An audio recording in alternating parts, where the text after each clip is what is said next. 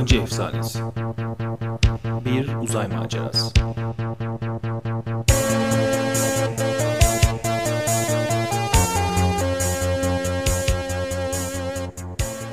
Bölüm 6 Sızma görevi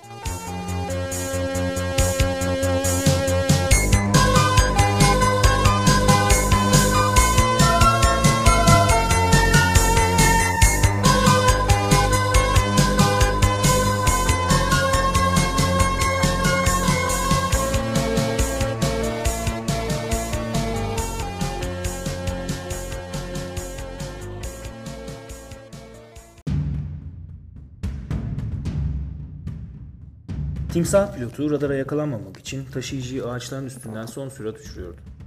Hekate altımızdan hızla akıp gidiyor. Evimden uzak bu yabancı gezegeni taşıyıcının kameralarından izliyordum.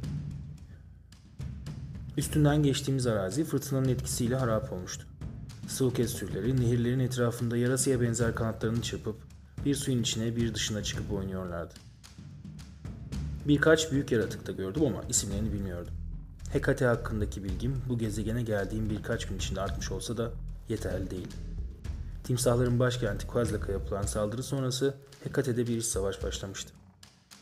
Galaksi Meclisi'ne yakın bir yönetici olan başsözcü Islan'a saldıranlar, akıncılara ve korumak için Hekate'ye geldiğimiz diplomatlara da saldırınca işe dahil olmuştuk.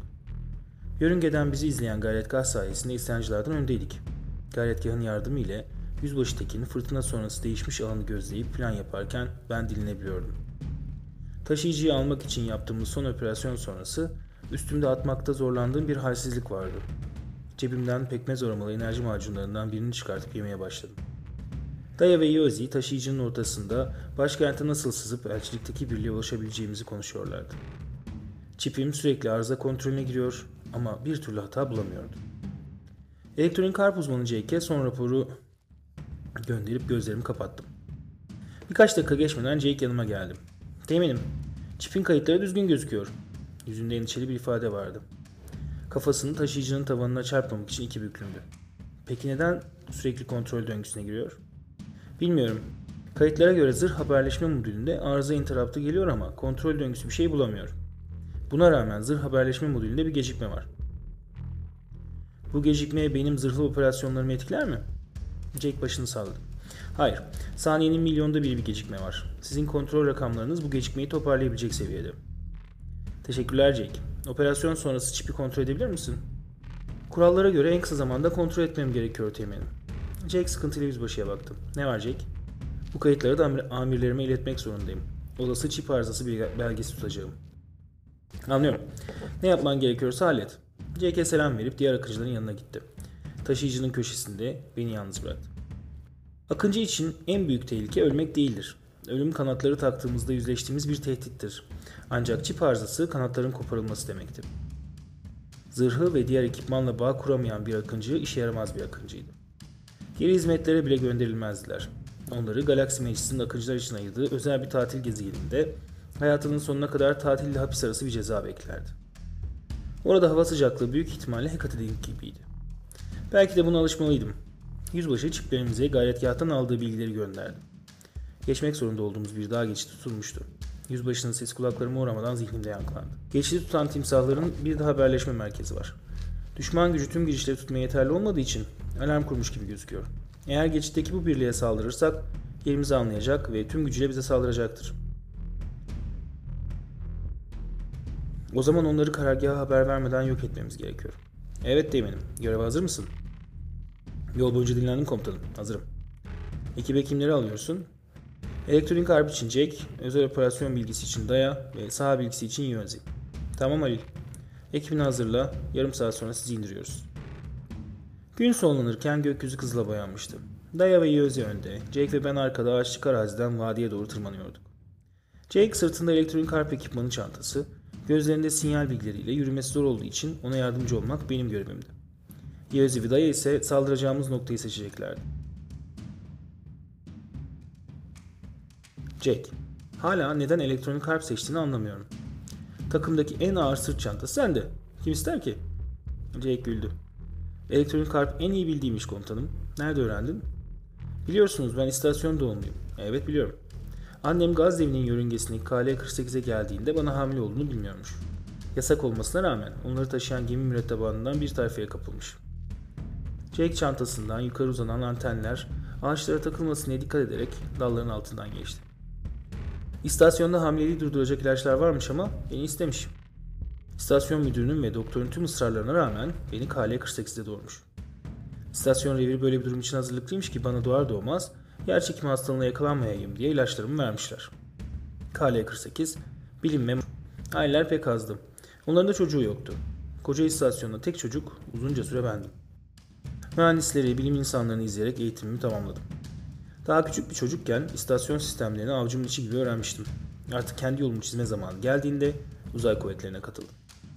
Onlar da beni test ettikten sonra elektronik harp çavuşu rütbesiyle akıncılara yolladılar. Annen de bilim insanı mıydı? Jake kahkahasını zorlukla bastırdı. Yola devam ettiğimizde Daya ve Yozi araya birkaç adım açmışlardı. Annem aşçıydı. Bilimden de mühendislikten de pek anlamazdı ama çok güzel yemek yapardı. Peki baban? Babamı hiç görmedim. Küçükken korsanlar ya da imparatorluk askerleriyle çatışmada öldüğünü düşünürdüm. Büyüdükçe belki de benden hiç haberi olmadığını, olsa da istemediğini düşündüm. Annem de bana cevap vermezdi. Zaten akıncı ailem varken başkasına ihtiyacım olmadı. Ne yapacağımı, söyleyeceğimi bilemiyordum. Neyse ki saldırı noktasına varmıştık. Gece çökmüştü. Yozi bizi bekliyordu. Jake çantasını yere koyup aşağıdaki birliği izleyebileceğimiz bir noktada ekipmanını kurdu. Dayıyı göremiyordum. Gölgelerin arasında kaybolmuştu.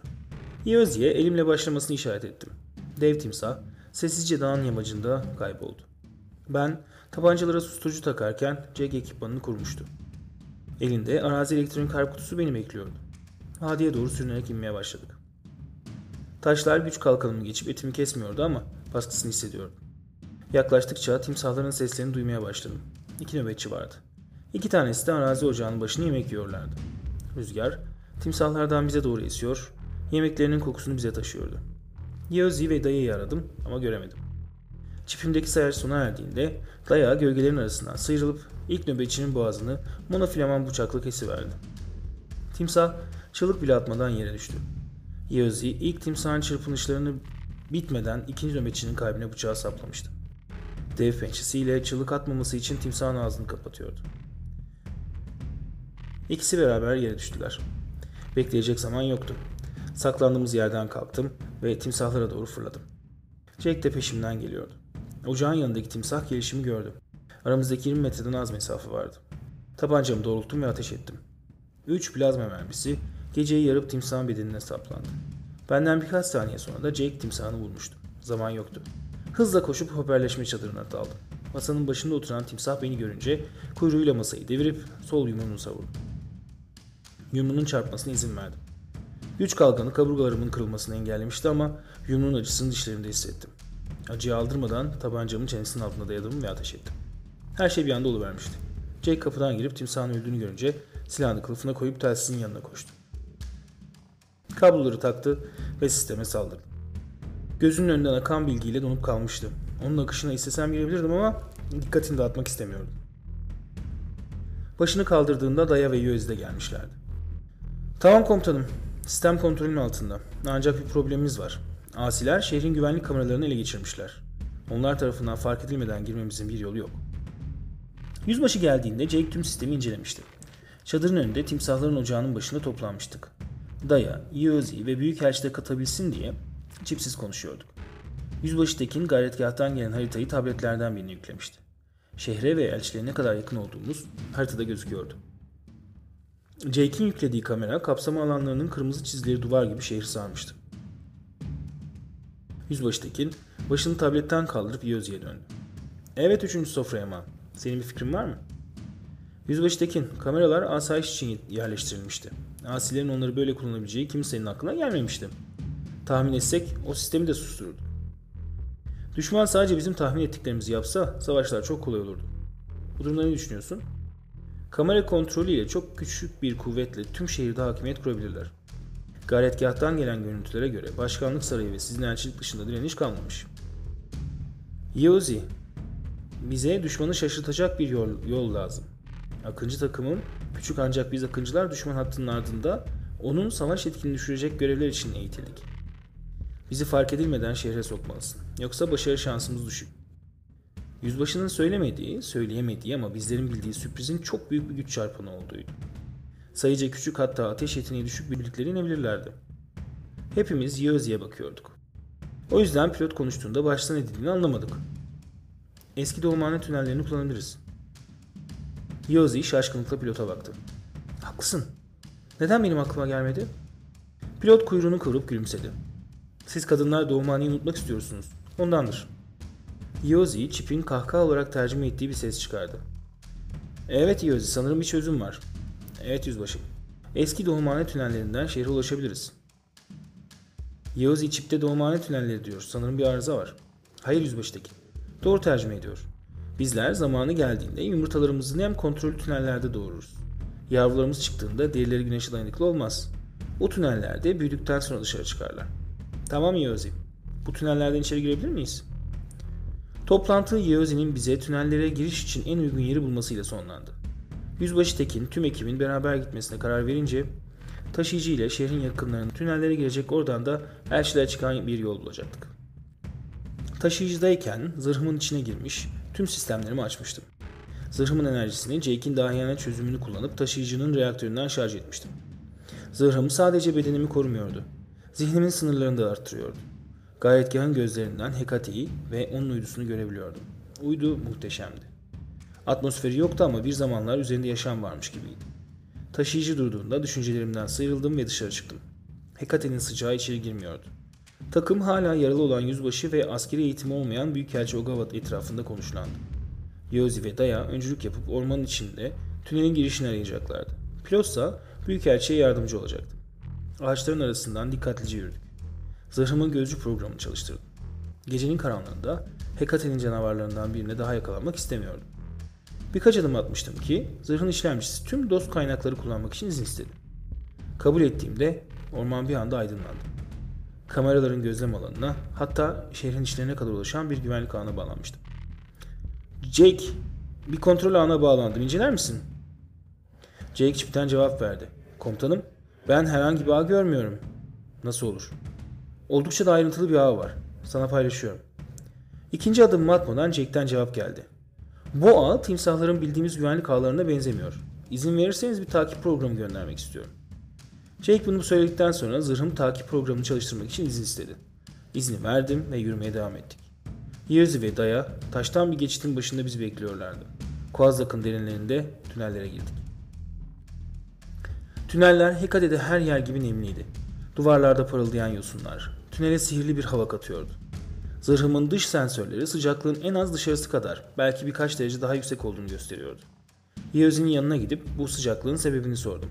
Halil Teğmen, yavrularımız soğuğa dayanamazlar. O yüzden şehirlerimizi jeotermal aktivitenin yüksek olduğu yerlerde yaparız. Mühendislerimizi gerektiğinde yeraltı sularının yönünü değiştirip sıcak su kaynaklarını oluşturmada uzmandırlar. Eliyle duvardaki yosunları işaret etti. Bak bu yosunlar da mühendislerimizin eseri. Arnek'in hediyelerinden yapılmıştır. Işığı yolumuzu aydınlatır. Işıklar güzel ama bu tünellerde yavrularına rastlamayız değil mi? Niyozi başını salladı. Hayır, bu tünel hattının kullanımı 10 yıl önce tüm bir kreş ve koruyucu annelerin kaybolmasıyla durduruldu. Ne olmuştu? Kimse bilmiyor. Ancak büyük ihtimalle ani bir su baskını yavruları ve koruyucularını uzaklara taşımıştı.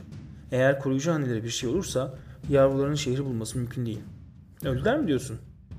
Yozi su birikintilerinin kenarından geçti. Kısık sesle cevap verdi. Hayır. Yavrular için ölümden büyük tehlikeler vardır. Nasıl yani? Yavrular eğer koruyucu anneler onları kısvet olmaya öğretmezse Kruxlen gibi vahşi yaratıklara dönüşürler. Yavrularınız onlara yol göstermezseniz dev canavarlara mı dönüşürler diyorsun? Evet. Her ne kadar dev boyutlara gelmeseler de yabanileşirler. Yolu kapatan kökleri zırhımla parçalayıp yolu açtıktan sonra Yozi'ye döndüm. Onları kurtarmanın bir yolu var mı? Hayır. Derler ki Arnek geldiğinde tanrılar kusuretleri onlara yardım etmesi için görevlendirdi. Ancak Arnek kusuretlerin işine uygun olmadığını söyledi. Bunun üzerine tanrılar kusureti şimdiki haline dönüştürdü. Bu sayede Arnek'e karanlığın içindeki savaşında ve görünenin ardındakiyle olan mücadelesine yardım edebildik. Umarım o yavrular da yolunu bulabilmiştir. Ben de Halil Teğmen. Ben de.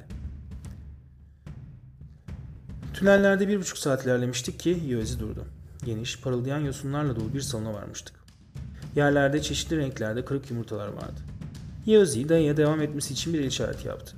Ben de Yozi ile beraber arkadakilerin gelmesini bekledim. Onun neden durduğunu tahmin ediyordum. Yozi, burası o bahsettiğin kreş miydi? Yozi üzüntüyle odanın ortasındaki çukura bakıyordu. Evet Ali Teğmen. Burada yavrular toplanır ve koruyucu anneler eşliğinde oynarlar ve beslenirlerdi. Odayı timsahlarla dolu hayal ettim. Yüzlerce minik timsahın çukura doluştuğunu gözümde canlandırdığımda ürpermiştim. Kreşi bırakıp yola devam ettik. Tünel genişleyip ikiye ayrılıyordu. Soldaki tünelin dibinde yapışkan bir sıvı vardı. Sağda ise parıldayan yosun garip bir renge bürünmüştü. Geridekiler kreşten çıkmak üzereydiler. Tünelden gelen gürültüyü duyunca kafamı çevirdim. Daya, tüfeği sırtında bize doğru koşuyordu. Bana da kaç diye bağırdı ama Akıncı Ocağı'nda bize ilk tepkimizin savaşmak olması öğretilmişti. Yere diz çöktüm, zırhımın sırtından M43 plazma tüfeğimi çıkarttım, zırhın parmaklarında çıkan kablolar tüfekle bütünleştiler ve nişangah zihnimde belirdi. Zırh delici mermiyi seçip beklemeye koyuldum. Fazla beklemem gerekmeden onu gördüm. Bembeyazdı. Karanlığın içinde tüneli kaplayarak çıkıyordu. Kocamandı. Ağzını açtığında boğazına kadar dizilmiş onlarca sıra dişini gördüm. Gözleri yoktu. Sadece ağız ve gövdeden oluşmuş gibiydi. Nişangaha odaklandım ve tetiği çektim. Kafatasındaki şişkinliklerden birini vurdum. Zırh delici saplandı ve orada kaldı. Bana doğru gelmeye devam ediyordu. Bir el daha ateş ettim ve ağzının tam üstünden vurdum. Durmadan üstüme doğru geliyordu. Hekate'de bir daha canavarlara yem istemiyordum. Zırhım dev solucanın zayıf noktasını işaretledi. Zırh bilgisayar nasıl yaptıysa damağından beynine bir yol bulmuştu. Solucanın kemiklerimi titreten çığlığının üstümden akıp geçmesine izin verdim. Düşüncelerim parmak ucumdan M43'e aktı. Solucanın ağzını açtığında hazırdım. Tetiği çektim ve üç zırh delici mermi canavara doğru uçtu. Açık ağzından içeri girdiler. İlki zırhsız damağında büyük bir yara açtı. İkinci ve üçüncü yaranın içinden yukarı gitti. Canavarın acı dolu çığlığı bir anda kesildi. Dev canavar sürüklenerek üstüme geliyordu. Kaçacak zamanım yoktu. Durduğunda ayaklarımın dibindeydi. Ölmüştü. Canavar tüneli kapatmıştı. Yozi yolu biraz daha uzatarak bizi yukarı çıkarabileceğini söyleyince öne o geçti. Ben de korumak ve olası tuzaklar için Jake'i alıp yanına gittim. Halil Teğmen, Blackstar'ı damağından vurarak öldüreceğinizi nasıl anladınız? Gülümsedim. Ben değil, zırh bilgisayarı buldu. Ben sadece tetiği çektim. Komutanım, sizin zırhınızın tüm özelliklerini biliyorum. O zırhın bu kadar kısa sürede bu hesabı yapması mümkün değil. Bilmiyorum Jack. Elektronik harp uzmanı sensin. Belki de gayretgahta yüklediğim dosyalarda yazıyordu. İkisi de bana inanmamışlardı. Zırhım çıkış merdivenlerini bulduğunda bu anlamsız sohbetten kurtulmuştum. Zırhsız olduğu için yukarı ilk daya çıktı. Kapağı kaldırdığında hepimizin çiplerine şifrelenmiş bir mesaj ulaştı. Gayretgah bir burgu tespit etmiş ve çıkan gemiyle savaşa gitmişti. Zarar görmüş ama düşmanı durdurmuştu. Düşman gemisi yok olmadan önce Hekate'ye iki mekik göndermişti. Gayretgah'ın onları takip edecek gücü kalmamıştı. Kaptan yardım getirmek için Boreli'deki üsse burgu attığını söylemişti. İsyancılara yakalanmadan Kozak'a girmiştik ama şimdi düşmanlarımıza imparatorluk askerleri de katılmıştı. Elçilikten gelen yoğun gösterme sinyaline kilitlenip dışarı çıktım. Kozak sabahı selamlıyordu. Gün bize yeni zaferler vaat ediyordu.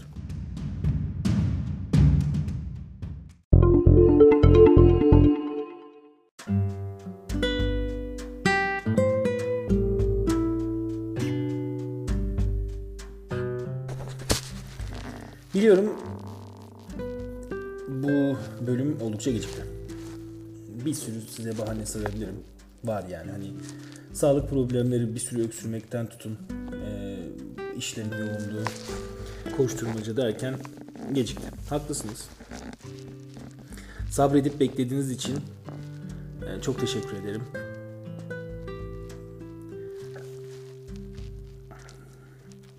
Doğrusu e,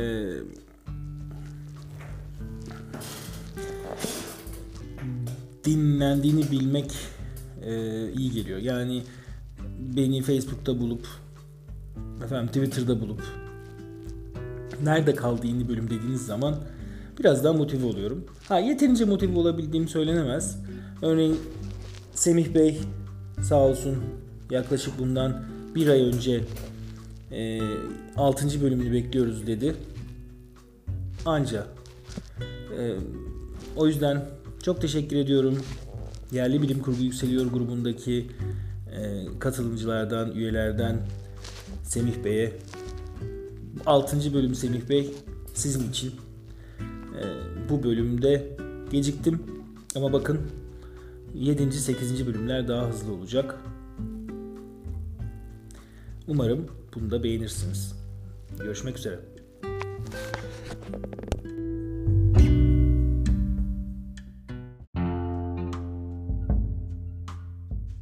Merhabalar. Bölümü dinlediniz. Umarım beğenmişsinizdir. Ankor uygulamasını yükleyip bölüm hakkında ya da bilim kurgu hakkında fikirlerinizi benimle paylaşabilirsiniz. Görüşmek üzere.